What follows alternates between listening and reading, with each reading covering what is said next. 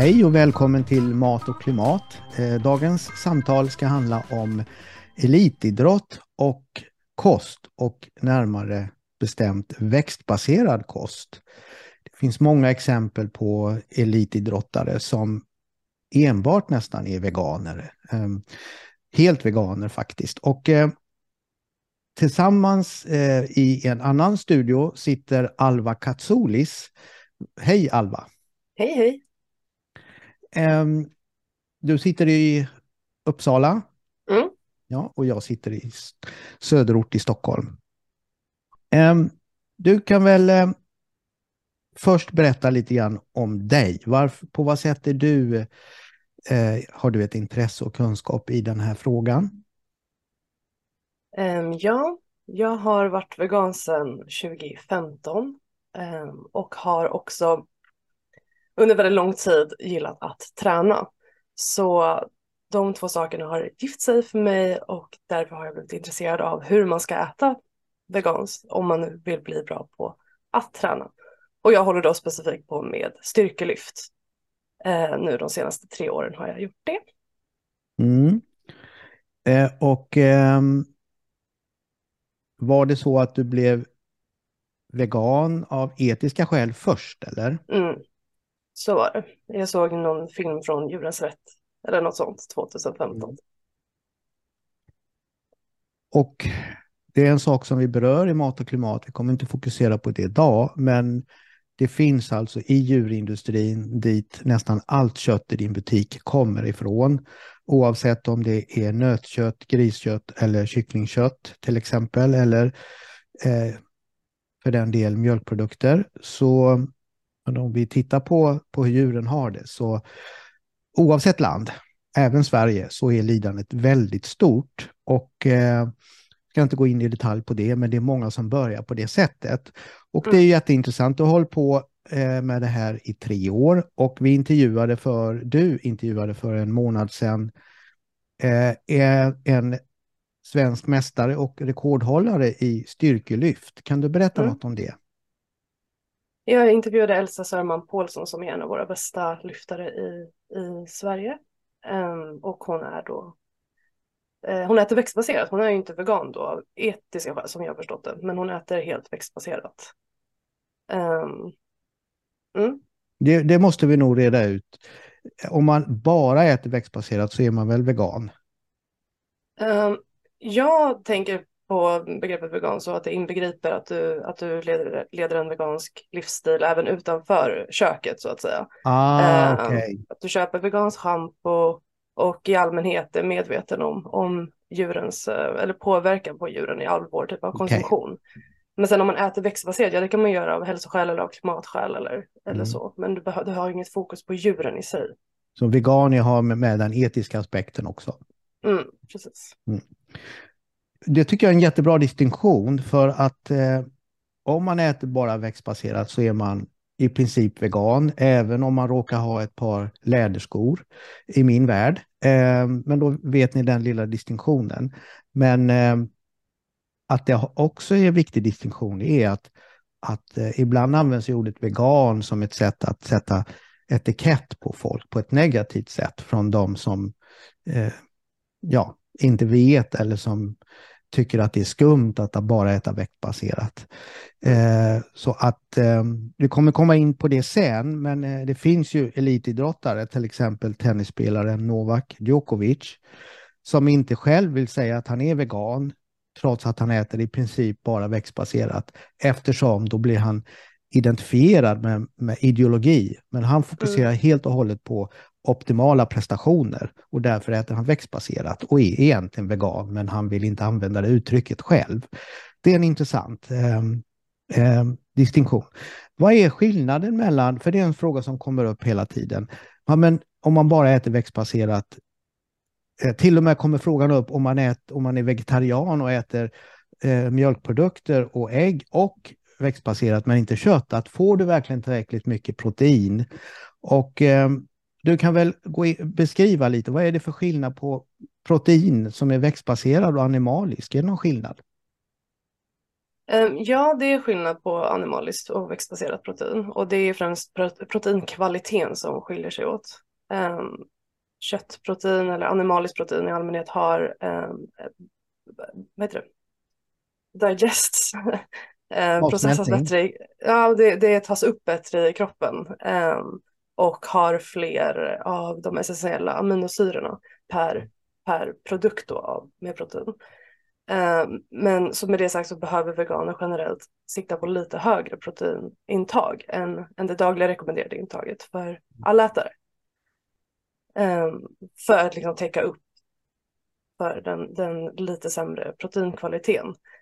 Men, ja, eller, jag...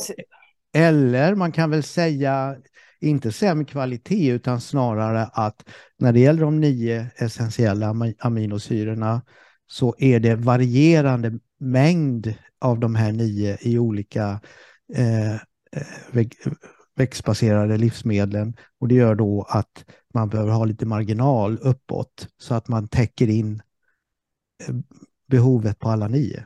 Mm, ja, det är dels det att eh, aminosyreprofilen är, är lite mer ojämn hos, eh, hos mm. växtbaserade mm. produkter. Även om de flesta, låt säga bönor och så, innehåller, innehåller de flesta aminosyror, även de essentiella då, eh, så kan profilerna liksom variera. Så det är lite mindre av leucin till exempel. Eh, Mm. Och då, därför är det bra att äta varierat så att man tänker upp alla aminosyror.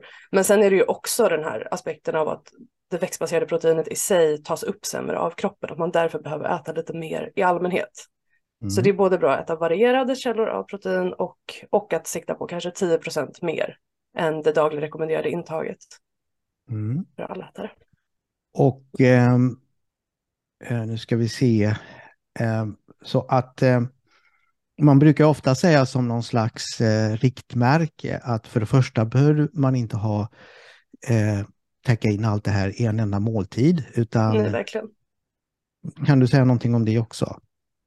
Um, ja, det handlar ju om vad man, um, vad man äter på under en längre period. Ja. Det kan vara bra att sikta på en 24 timmars period, men alltså jag tror att även om det skulle vara så att du äter för lite under en dag och sen äter mycket mer under nästa dag så tror jag att det, det är tillräckligt också. Du behöver liksom inte äta, täcka in all, alla dina näringsämnen varje dag hela tiden, utan kroppen är smartare än så. Och inte bara näringsämnen då, utan även aminosyrorna såklart. Ja. så så siktar man på att äta varierade källor av, av protein så, så kommer man klara sig bra. Och eh, när det gäller växtbaserade eh, proteiner så finns de eh, i väldigt mycket mat som man ofta inte tänker på. Mm. Det, baljväxter är ju, är ju, väldigt uppenbart och där har vi alltså bönor av olika färg, olika slag. Vi har kikärtor, vi har linser, eh, vi har jordnötter är en baljväxt till exempel. Mm. Alla har väldigt mycket proteiner. Och, men vi har också sädeslag och i synnerhet havre, men också mm. andra. Korn och råg eh, till exempel har också en hel del protein. Broccoli har protein en hel del. Eh, och eh, så att man brukar väl säga som riktmärke att, att om man äter eh, till exempel havregryn en, del, en tid på dagen och eh, bönor till exempel eller linser en annan tid på dagen så täcker man in ganska bra. Mm. Verkligen så.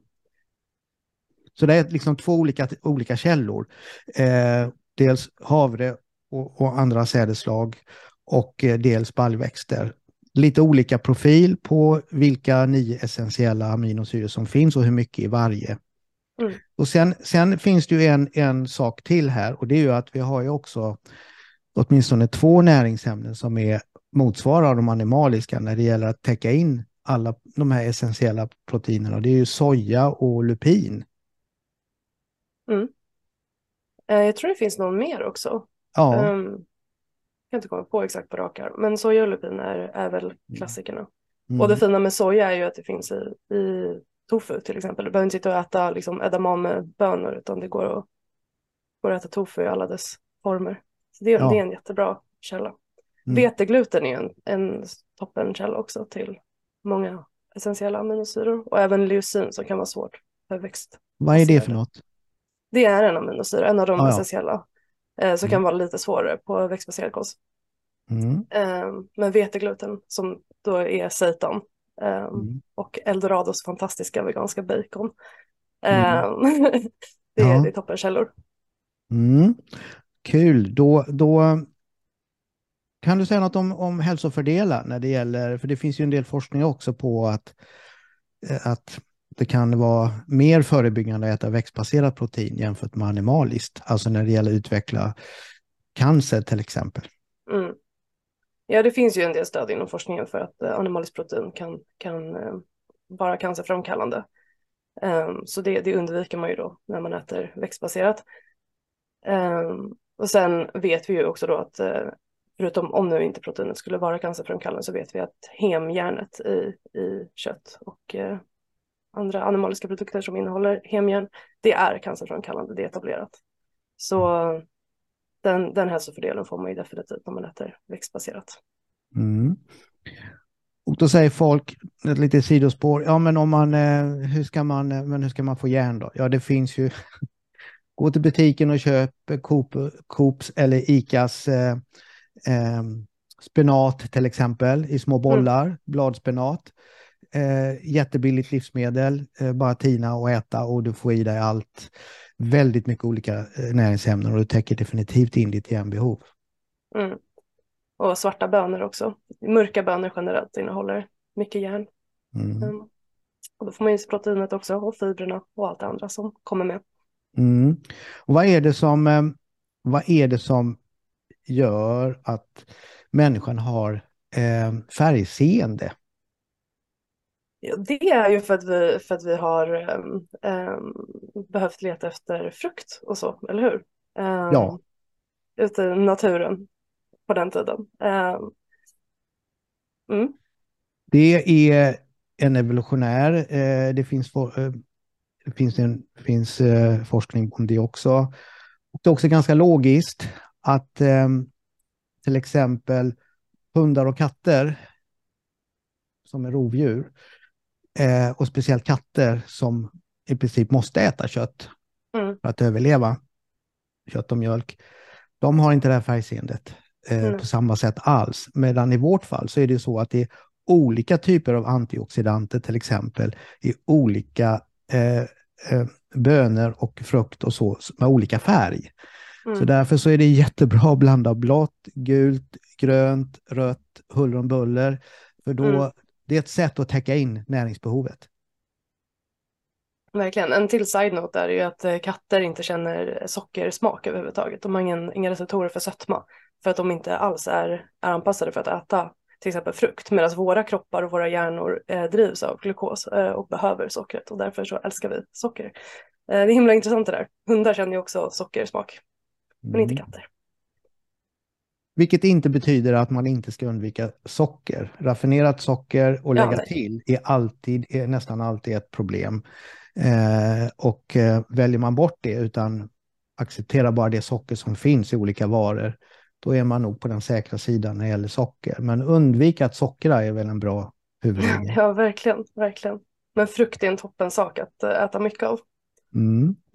Eh, återhämtning efter träning, om vi går in på, på, på träning igen då. Um, uh, är det någon skillnad? Kan man se bevis, eh, omfattande forskning eller mer anekdotiska bevis på skillnad i återhämtningsfas beroende på hur, vad man äter?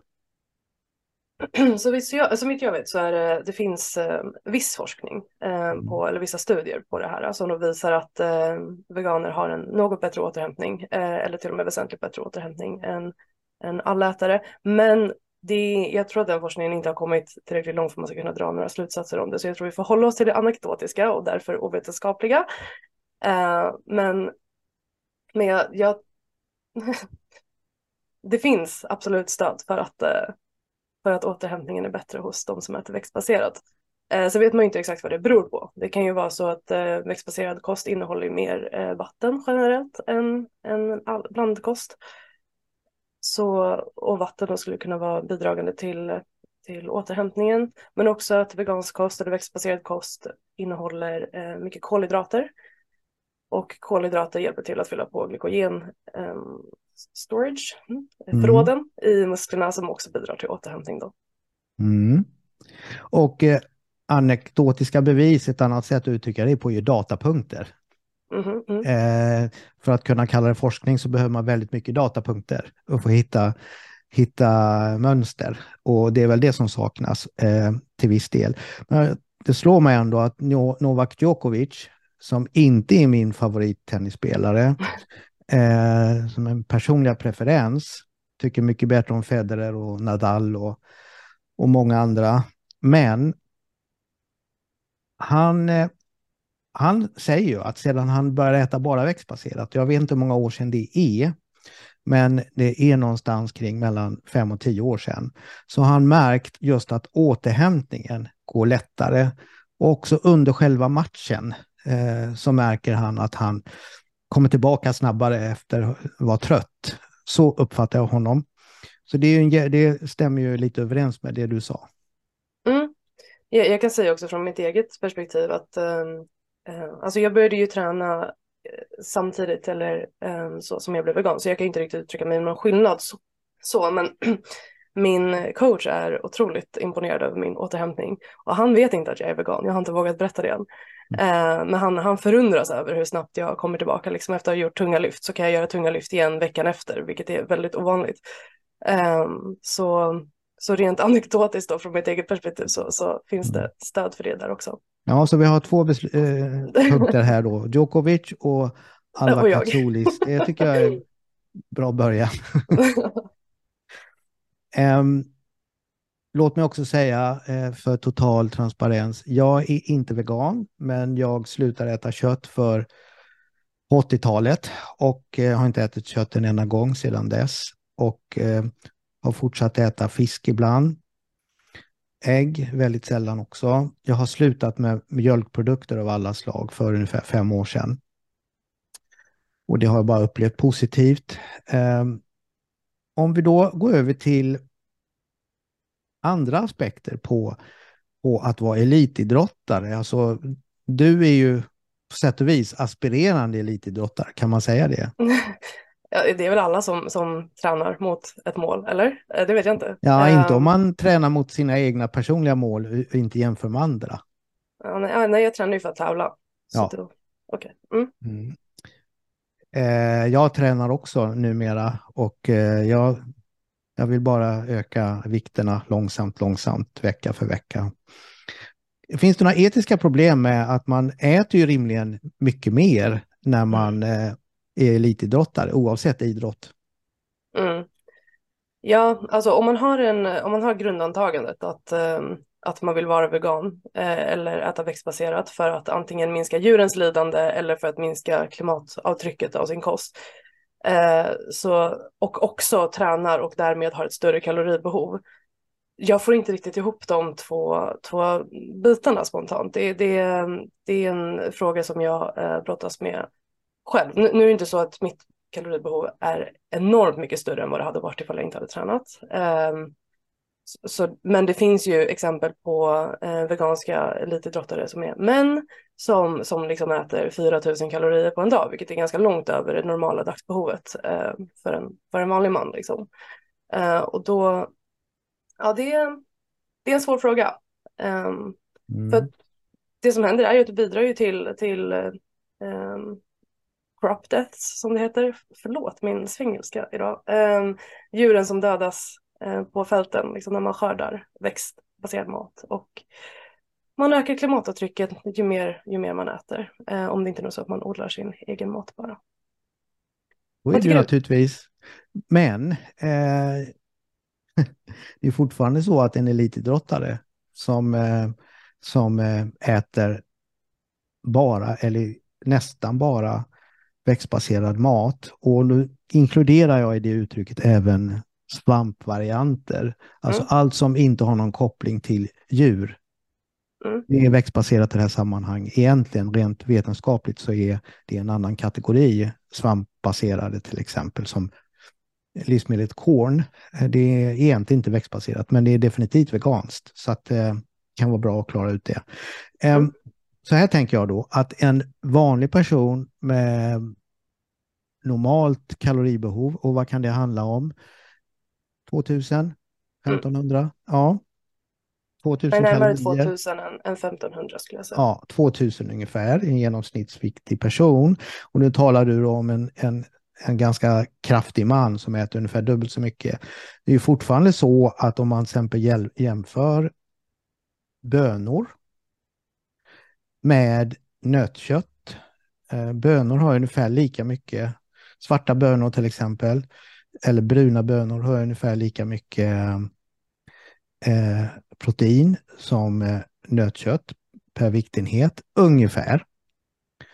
Men det är ju så att utsläppen är ju kanske bara några få procent mm.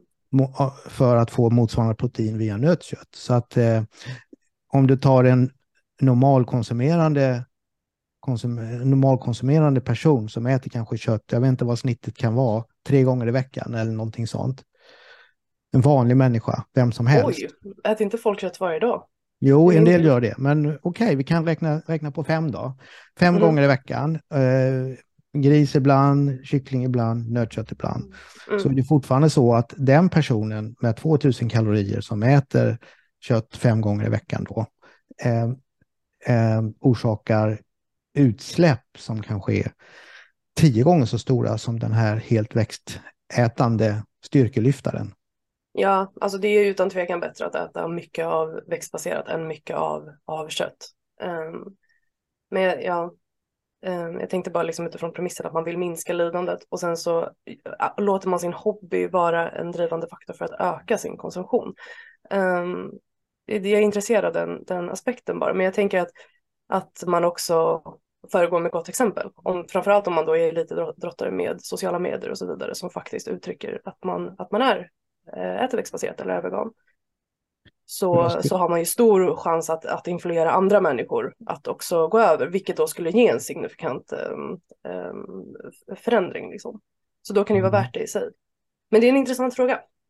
Det kan vara en intressant fråga personligen tycker jag, så håller jag nog inte med, eh, att, eh, att, att lägga så mycket etisk aspekt på det. Eh, eh Okej, okay, det går åt lite mer eh, yta för att odla maten som personen äter. Ehm, men det är ju faktiskt så att människor dör i förtid av de fyra folksjukdomarna, hjärt och kärlsjukdomar, diabetes, metaboliskt syndrom, eh, Alzheimer och andra demenser mm. och cancer. Och eh, att äta helt växtbaserat, det minskar risken för alla de här fyra ganska kraftigt mm. och minskar risken för att man är sjuk länge innan man dör. Och det är ett enormt tryck på hela sjukvårdssystemet. Så att eh, man kanske inte lever så hemskt mycket längre när man tränar så här, men eh, man skjuter upp tidpunkten mm. för när man blir allvarligt sjuk. Mm. Så att jag skulle ändå vilja säga att plus och minus så blir det ett plus för samhället. Mm men det är jag nog benägen att hålla med om. Mm. Um, Okej. Okay. Um, um, utrustning har jag skrivit att vi borde säga någonting om. Uh, finns det växt, nu, nu talar vi om idrott generellt. När det gäller skor och bälten till exempel för styrkelyftare och skor överhuvudtaget för idrottare. Hur mycket växtbaserade alternativ finns det? Eller veganska? Det finns ju också bälten som görs eh, genom eh, processer eh, som inte bygger på växter, men det finns inga animalier heller. Mm. Kan du säga någonting om det?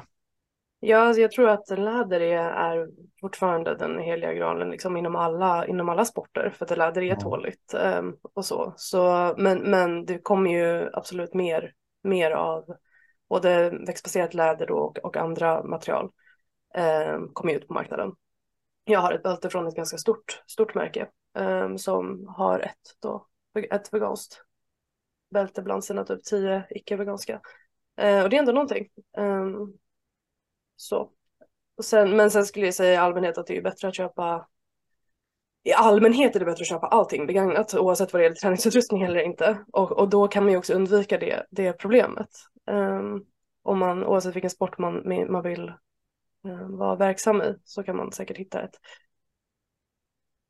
vad vet jag, veganska tennis, nej, lädertennisskor som eh, på Blocket typ. Och då undviker man ju det etiska problemet för man bidrar, bidrar inte till produktionen av, av läderskorna. Nej, köper du eh, eh, vanliga läderskor som är begagnade Mm. Då ökar du inte efterfrågan på, på i affärerna så märk, ser de inte fler beställningar och köper fler skor, vilket gör att man dödar fler djur för att få Precis. skor. Utan den kedjan bryts ju.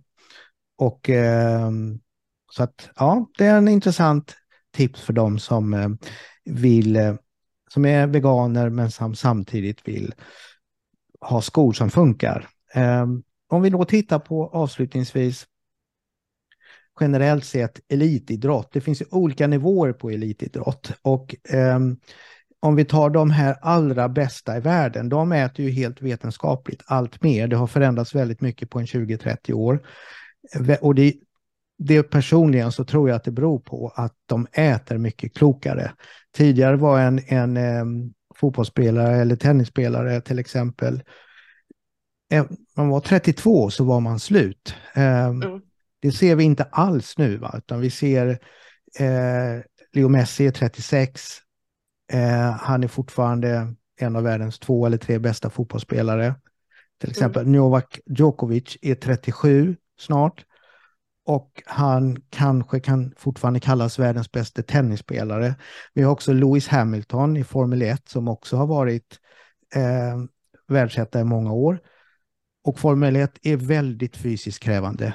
Ja, man tror inte det, men, men när man väl tittar, när man tittar in på det så, så förstår man att det är otroligt fysiskt krävande. Verkligen. Och de här tre som jag nämnde då, Leo Messi, jag uppfattar som att Lewis Hamilton är vegan av etiska skäl, mm. till att börja med. Stämmer det? Ja, det stämmer. Japp.